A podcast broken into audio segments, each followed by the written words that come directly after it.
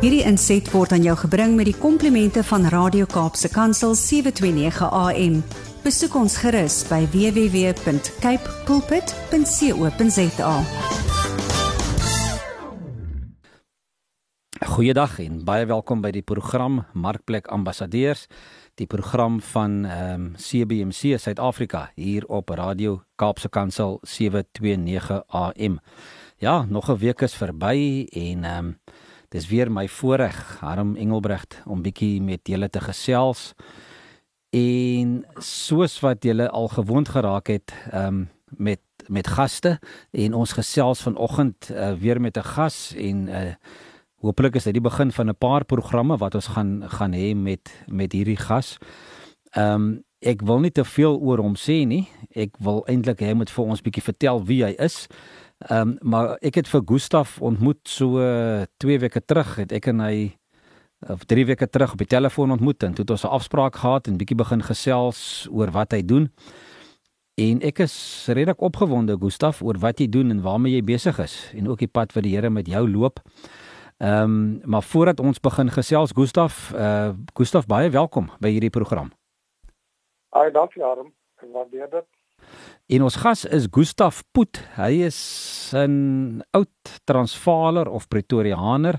Uh, deesdae woon hy hier in die Kaap, hier in die Somerset Wes Helderberg omgewing. Gustaf, uh, dis lekker om jou te gesels, maar vertel gou vir die mense, wie is Gustaf en ehm um, sommer net waar kom jy vandaan? Waar het jy skool gegaan? Hoe het jou groot word jare gelyk? Goed, uh, dankie Arm, ek sal baie vinnig daardeur beweeg. Ek is in Boksburg gebore. Uh ek was so 1 jaar oud toe trek uh, my ouers daar na die verre Noord-Transvaal se Bosveld toe my pa was 'n skoolhoof gewees, laerskoolhoof. En ek het tot my 9de jaar daar in die bos groot geword. 'n Baie lekker plek om om vir 'n seentjie om groot te word. En toe kry ons 'n bietjie van 'n kultuurskok toe uh, wat het my pa aansoek gedoen vir 'n pos in Grasmeer net so um, 20 km uh suid van Johannesburg. Uh, diegene wat van Johannesburg af uh, die een, een reis sal weet dat die eerste tol, die groot tolhek is die Grasmeer tolhek. So my pa het daar daar die skool van 'n laerskool daar geword. So ek het my laaste laerskooljare daar voltooi. Nou ja, toe as ek nou hoërskool toe in van Grasmeer af, uh Johannesburg se skole toe sou beteken ek moes trein ry en ons was baie aktief in sport geweest. So my pa het my toe in Lichtenburg uh hoërskool in die koshuis gesit want dis waar 'n groot deel van my familie, my ma se familie groot geword het en uh ek het toe op koshuis geweest op Lichtenburg hoërskool waar toe uh in 1966 uh klaar gemaak het met met matriek. Nou kan die mense sommer sommer maak om te weet hoe oud ek is.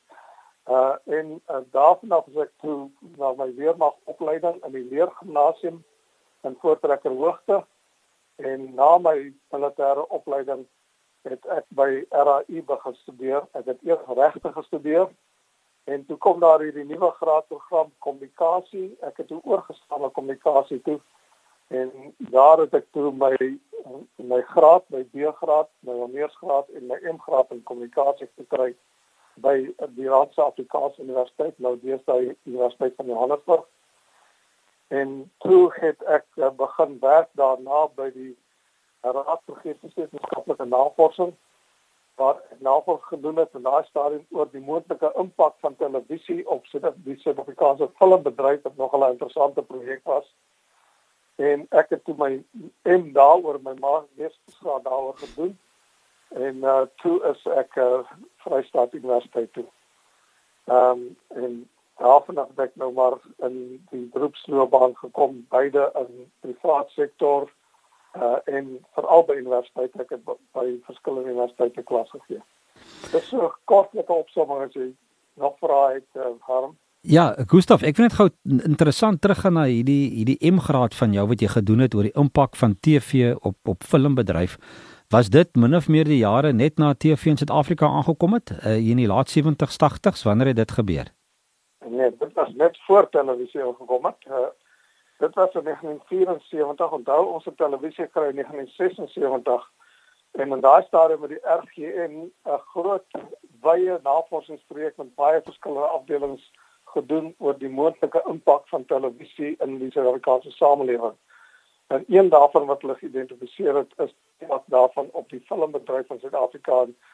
Uh, ek was toe 'n junior navorser na die projek aan my toegeken en uh, uh, ek het redelik baie daaroor navorsing gedoen in dit analise. Ek het onder andere kontak gemaak met uh, een van die voorste filmsemioloë in die wêreld, uh, professor Jean-Marie Peters in die Universiteit van uh, Leuven in België ek het ook uh, oor see gegaan na na Leuven toe om bietjie te gaan kers opsteek oor hoe mens films ontleed en en so meer.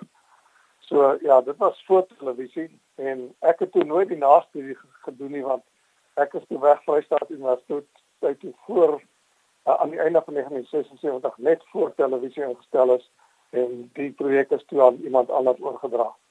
Gustaf net so tong in die kies, het jou navorsing toe nou wat jy gedoen het en die resultaat waarop jy afgekom het, is dit uiteindelik wat gebeur het of het dit 'n bietjie anders uitgedraai as wat jou navorsing vir jou gewys het? Nee, dit het nogal uh, redelik akkuraat geprojekteer wat sou gebeur uh in terme van 'n hele klomp verskillende uh entiteite in die in die samelewing. Een van die een van die goedes waarna ons baie gekyk het is die moontlike invloed van uh televisie geweld uh op kinders se gedrag en daar baie interessante resultate uitgekom wat toe wat werklik so gemanifesteer het in die toetsing na die tyd na die instelling op televisie. Hoewel ons nie verskriklik baie uh eksplisiete gedrag het nie, ons al hele klop verskillende vorms van van geweld uh wat uh, wat ons nagespeel het. Maar ook ek het baie navorsing doen oor die impak van televisie op die uh algemene houdings van die verskillende bevolkingsgroepe in Suid-Afrika. Onthou in daai stadium was daar nog 'n redelike skeiding en beskouing van 'n uh, diep verskil tussen die verskillende bevolkingsgroepe wat uh, met die tyd en tot nou toe uh glad nie meer so beskou word nie. Maar ja, daar was baie duidelike ehm um, goeders wat nou wel na vore gekom het en wat die navorsing bevestig het wat ons vooraf gedoen het. Ja, dis baie interessant Gustaf. Ek dink ons moet maar bestadium weer 'n bietjie daaroor gesels.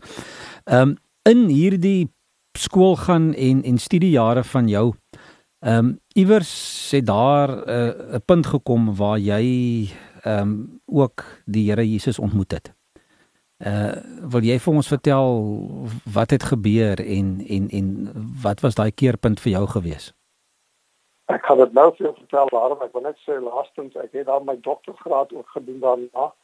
En daarvoor het ek die, die navorsing vir my doktorsgraad ek uh, by University of Illinois in Amerika gedoen en uh die doktorsgraad by Vryheid Universiteit verwerf. Uh en dit was 'n reklame strategie geweest. Ehm um, harm wat my wat my bekering betref hier is uh, ek het pas groot geword in die kerk en uh, ja van kleins af my pa was al my ouers baie betrokke by die kerk die deur was oopgegaan het as ons daar so ek het groot geword in die kerk maar ek weet nie of uh, of dit dieselfde ervaring is ehm uh, by ander mense nie maar my ervaring in, in oor die jare was dat in die NG Kerk uh, was daar nie so geweldige klem op bespreking van die term bekering nie in uh, in elk geval nie in daardie dae nie en dit was maar deur die proses gegaan om voorgestel en aangeneem te word. Ehm um, en so ek het deur daai prosesse gegaan. Ehm uh, ek sou sê dat ek wel bekeer was uh in al daardie jare, maar dit was in 1987 wat ek werklik waar uh, uh, uh, 'n diepgaande ervaring gehad het uh, met die Here en waar ek my laat doop het en deur in die Heilige Gees gedoop is. Uh en daarna het my lewe ehm uh, met 'n totale ander vlak en intensiteit uh verander in terme van my verhouding met die Here. So ek was baie van kleins af baie godsdienstig geweest, maar my my groot moment in waar ek werklik waar ek dink uh uh, in in die in die diepte van die geestelike lewe ingaan het in 1987 gebeur. Gustav, jy het gesien net dat jy in Illinois in Amerika studeer het vir jou vir jou doktorsgraad. As ek reg onthou, dan was dit hier in die 90er jare, is dit korrek? Dit was in ja, 'n bietjie vroeër, dit was 81 81. 81. Maar jy het toe 10 jaar later weer in Amerika beland. En ehm um, en in Chicago het daar iets gebeur. Jy het my jy het my of in sorry in Kalifornië het daar iets gebeur wat eintlik 'n ja. roeping op jou lewe uh, begin het, nê? Nee? Ja, ek nou net vir 'n oomblik terug gaan en sê dat ek uh, dat ek sedert die laat 80er jare in 89 het ek dikwels in Amerika gekom weer eens in baie by baie verskillende universiteite daar klas gegee en uh konferensies internasionale konferensies bygewoon. Uh my vrou het 'n baie lang geskiedenis met uh met Christene Amerika en kerklewe in Amerika gehad voordat ons getroud is.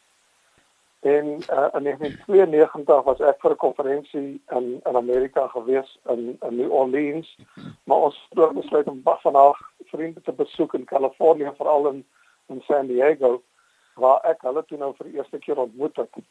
En hulle was baie reg groep gewees, maar uh, daar was 'n uh, 'n baie bejaarde ou uh, paar egpaar wat so in Desert Springs buite uh, die buite San Diego gebly het en hulle het besluit om die twee te gaan verras uh, met 'n middagete wat hulle nou gepak het. Ons het met twee karre gery uit na Desert Springs toe en uh, daar aangekom en hulle het ons glad nie verwag nie. Ek het hulle nog nooit gesien nie trouens. Hierdie ander vriende van my vrou het ek nou maar die vorige dag eers ontmoet. En toe ons nou daar aankom en ons klop aan die deur en ons gaan binne toe was natuurlik geweldige opgewonde gebabbel en almal het gelyk gepraat en so aan. Maar so binne 2 minute na almal nou in is in hierdie gebabbel plaasgevind het, het die ou oom Leo Wilson uh, wat daai stad in 44 jaar oud was en wat baie sterk profetiese bediening gehad het, het hy almal stil gemaak en so diep stem gesê quiet, quiet everybody. En toe kyk hy na my to say my young man, are you a teacher? Nou daai stad was ek 'n uh, professor in bemarking by die Universiteit van Pretoria, sê van yes, uh, hy sê come here I, and I say put your put your hands on my shoulders and uh, to do that, to say, my young man, as your hands now touch my shoulders, you will touch the leaders of your land with your teaching. Nou en daai stadium het ek al redelik baie uh, leierskapopleiding gedoen uh vir organisasies en ek het dit toegeneem as 'n bevestiging dat ek die regte ding doen. Maar ek het daarna ook 'n hele klomp jare daarna dit gevoel eintlik as 'n na so vier jaar terug te gevoel maar uh, hierdie is 'n baie meer spesifieke roeping en dit is om leierskap uh, te benader vanuit uh, 'n uh, koninkryk ehm um, perspektief toe ek dit begin doen en dit het gelei tot die boek wat ek nou ehm um, hierdie jaar gepubliseer het eintlik verlede jaar die eerste keer gepubliseer het op uh, uh, amazon.com die harde kopie het ek nou eers hierdie jaar ehm uh, gepubliseer met die titel ehm um, Kingdom Leadership for Organizational Leaders. Gustav, ons gaan ons gaan 'n bietjie later en in volgende programme 'n bietjie meer gesels oor oor jou boeke. Ek wil net ja. gou ek wil net gou uh, hoor hierdie na hierdie uh, ondervinding of ervaring wat jy nou gehad het daar in 1992 in in Kalifornië met hierdie oomie het jy 'n bietjie van 'n as ek die Engelse woord kan gebruik 'n mind shift gemaak um van akademie af uh meer na 'n ministry en 'n calling toe. Uh kan ek daai waarneming maak? En in in hoe hoe het jy dit toe ervaar toe jy nou terugkom in Suid-Afrika? Toe jy uiteindelik terug is. Ek meen dis mos nou daarom nou 'n jy moet 'n bietjie van 'n van 'n mind shift maak en half dalk so 'n bietjie rigting verander en bietjie jou denkwyse begin verander het. Uh, Presies ja, ek sal sê dat ek uh uh geestelik uh, baie verander het nie. Uh, ek was toe al redelik ehm um, 77 het ek omdat my my vrou het het het uh was my bietjie vooruit in terme van van uh geestelike ervaring en uh en opvoeding. Maar uh ek het beslis na deur ander mense gekyk na die wêreld en ook na wat ek uh, na wat ek doen. En ek het met baie groter vrymoedigheid byvoorbeeld ehm uh, uh weggedoen met hierdie wat baie mense sekerlik ook ervaar of ek ervaar het en dit is die twee verskillende die sekulêre wêreld en die geestelike wêreld. En ek het as ware die mure tussen hierdie twee uh, doelbewus afgebreek en baie meer vrymoedig uh, in byvoorbeeld um, en ek weet daar word nou wêreld met daaroor ge, gefrons en veral in Amerika wat my baie hartseer maak want, want ek ken Amerika baie goed. Maar uh, die hele skeiding van kerk of dan uh, die geestelike oortuiging in die res van die wêreld ek het daarmee weggedoen en ek het baie meer vermoedig byvoorbeeld selfs wanneer ek met studente groepe wat nou hoofsaaklik nagraadse groepe is wanneer ek met hulle gewerk het in al my opleiding leierskapsopleiding het ek geweldig baie Bybelse metafore gebruik om dit te illustreer ehm um, wat te doen het met leierskap in organisasies.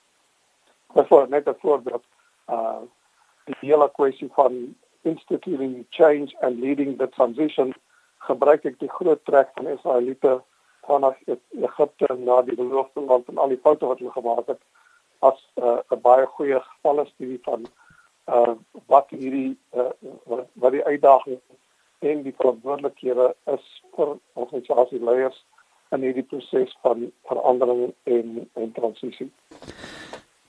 Gustaf, ek wil net gou teruggaan na wat jy nou net gesê het, ehm um, so 'n minuut of twee terug. Daai skeiding wat wat wat mense het tussen hulle geestelike lewe, hulle verhouding met die Here en en hulle werk. Ehm um, en of dan nou maar die die sekulêre wêreld. Die die probleem is dat dat mense hulle geloof in in 'n boksie wil pak en wil bære vir Sondag. En in in wil bære vir wanneer daar 'n probleem kom. In plaas daarvan om die lewe geïntegreerd te lewe en dat die verhouding met die Here en jou geloof alle aspekte van jou lewe moet moet beïnvloed het jy in oor jou jare wat jy besig is uh met jou navorsing en wat jy nou met hierdie uh bediening streep besigheid van jou besig is uh, met met leierskap opleiding het jy dit redelik gereeld gesien in besighede dat mense daai skeidslyn trek um, tussen wat wat die wat die Bybel formuleer en wat hy wil doen in sy besigheid? Jy al ek het dit baie ervaar uh op interpersoonlike of individuele vlak meer so as in die groepswerk wat ek op groot organisasies gedoen het. En uh ek weet nie of ek nou uh, veralgemeen maak nie, maar ehm um, ek ek my my gevolgtrekking was dat dit so bietjie ingebou is in ons Afrikaanse kultuur en dat uh, ek amper die indruk baie keer het as jy vrymoedig met mense begin praat Afrikaans sprekende mense dan het hulle amper hulle as hulle dit direk gesê het, dit gaan plesier. Luister, hierdie is 'n privaat saak en dit het eintlik niks met jou uit te waai nie. Dit is 'n saak, dit is my saak. Hmm. Hmm. Maar maar uh, toe ek begin het om hierdie soos hierdie voorbeeld wat ek nou vir jou genoem het, uh, dit aan te bring in in groepe mense uh van en ek praat van mense wat vir organisasies gewerk het in my in my leierskapsopleiding vir organisasies is dit opvallend hoeveel mense na 'n sessie kom toe staan het by my om meer daaroor uit te vra as die as die as die suiwer leierskapsbeginsels meer oor die die die oorvleeling tussen jou geestelike lewe, die koninkryk en uh, leierskap in organisasies as wat het hulle gepraat oor die oor die streng ehm um, organisatoriese elemente van leierskap. So ek het gevind dat in groepe en selfs heterogene groepe waar daar mense van ander gelowe was, het hulle kom staan en my gevra. Ek het amper partykeer 'n uh, uur of wat langer na 'n sessie afgesluit het, het ek gestaan met hulle regtig waar toe staan en wag geduldig wag om met my te kom praat en my vrae te kom vra. So dit was my geweldig bemoedigend geweest en ek wil glo dat daar 'n hele klompie mense daardeur beïnvloed is en miskien uh op 'n ander manier gekyk het na hulle geloofslewe. Gustavo Steyt is besig om uit te hardloop en ek sal graag met jou verder wil gesels oor oor jou jou werk, jou bediening en oor die boeke wat jy geskryf het. Ehm um, maar net vinnig om mee af te sluit, ons het so 'n minuut oor. Ehm um, die belangrikheid van inskakeling van besigheidspersone in in klein groepe, noem dit nou maar accountability en gebedsgroepe iets soos wat CBC doen. Ehm um, die belangrikheid van dit in ons samelewing op hierdie stadium, dink jy dis nodig? Wel, selfs buite die konteks van besighede uiters uiters uh nodig. Uh ek weet nou dat die meeste kerke in in die land sover my wete strek het uh, wat hulle nou of omgee groepe groepe of selgroepe noem wat geweldig belangrik is uh om jouself uit jou isolasie te haal. Daarmee bedoel ek nie dat jy nou uh, die sel of die groep bo kan die Here moet staan nie. Die Here is die sentrum van hierdie uh groepservaring en hierdie deelsaamheid. Ek meen dis nie toevallig dat die Here Jesus op aarde het hy gewerk met groepe nie. Uh so dit is geweldig belangrik, maar vir besigheidsmense veral, jy weet mense raak so uh geïsoleerd in jou besigheidswêreld en so gefokus en ongelukkig baie keer met probleme eerder as die as die positiewe deel van organisasies uh dat jy werklik maar bemoediging en ondersteuning nodig het en en uh, dat jou jou broers uh en susters uh in die Here 'n baie groot um hulpbron kan wees vir enigiemand wat aan besigheid is. Baie dankie. En so gesels uh, Dr. Gustaf Poot hier in ons program uh, Markplek Ambassadeurs. Gustaf, baie dankie vir jou tyd dat ons vandag kon gesels. Ek sal graag volgende week bietjie verder met jou met jou praat. Luisteraars, as julle enige navrae het of opmerkings het oor vandag se program, stuur asseblief vir my 'n e-pos na admin@cbmc.co.za. As jy met Gustaf eh, wil kontak maak, um, doen dit ook maar via ons um, e-posadres admin@cbmc.co.za. En as jy meer wil weet van ons bediening, um, gaan gerus na die webwerf www.cbmc.co.za. Gustaf, baie dankie. En ons groet julle tot volgende week. Totsiens. Baie dankie. Totsiens. Hierdie inset was aan jou gebring met die komplimente van Radio Kaapse Kansel 729 AM. Besoek ons gerus by www.cape pulpit.co.za.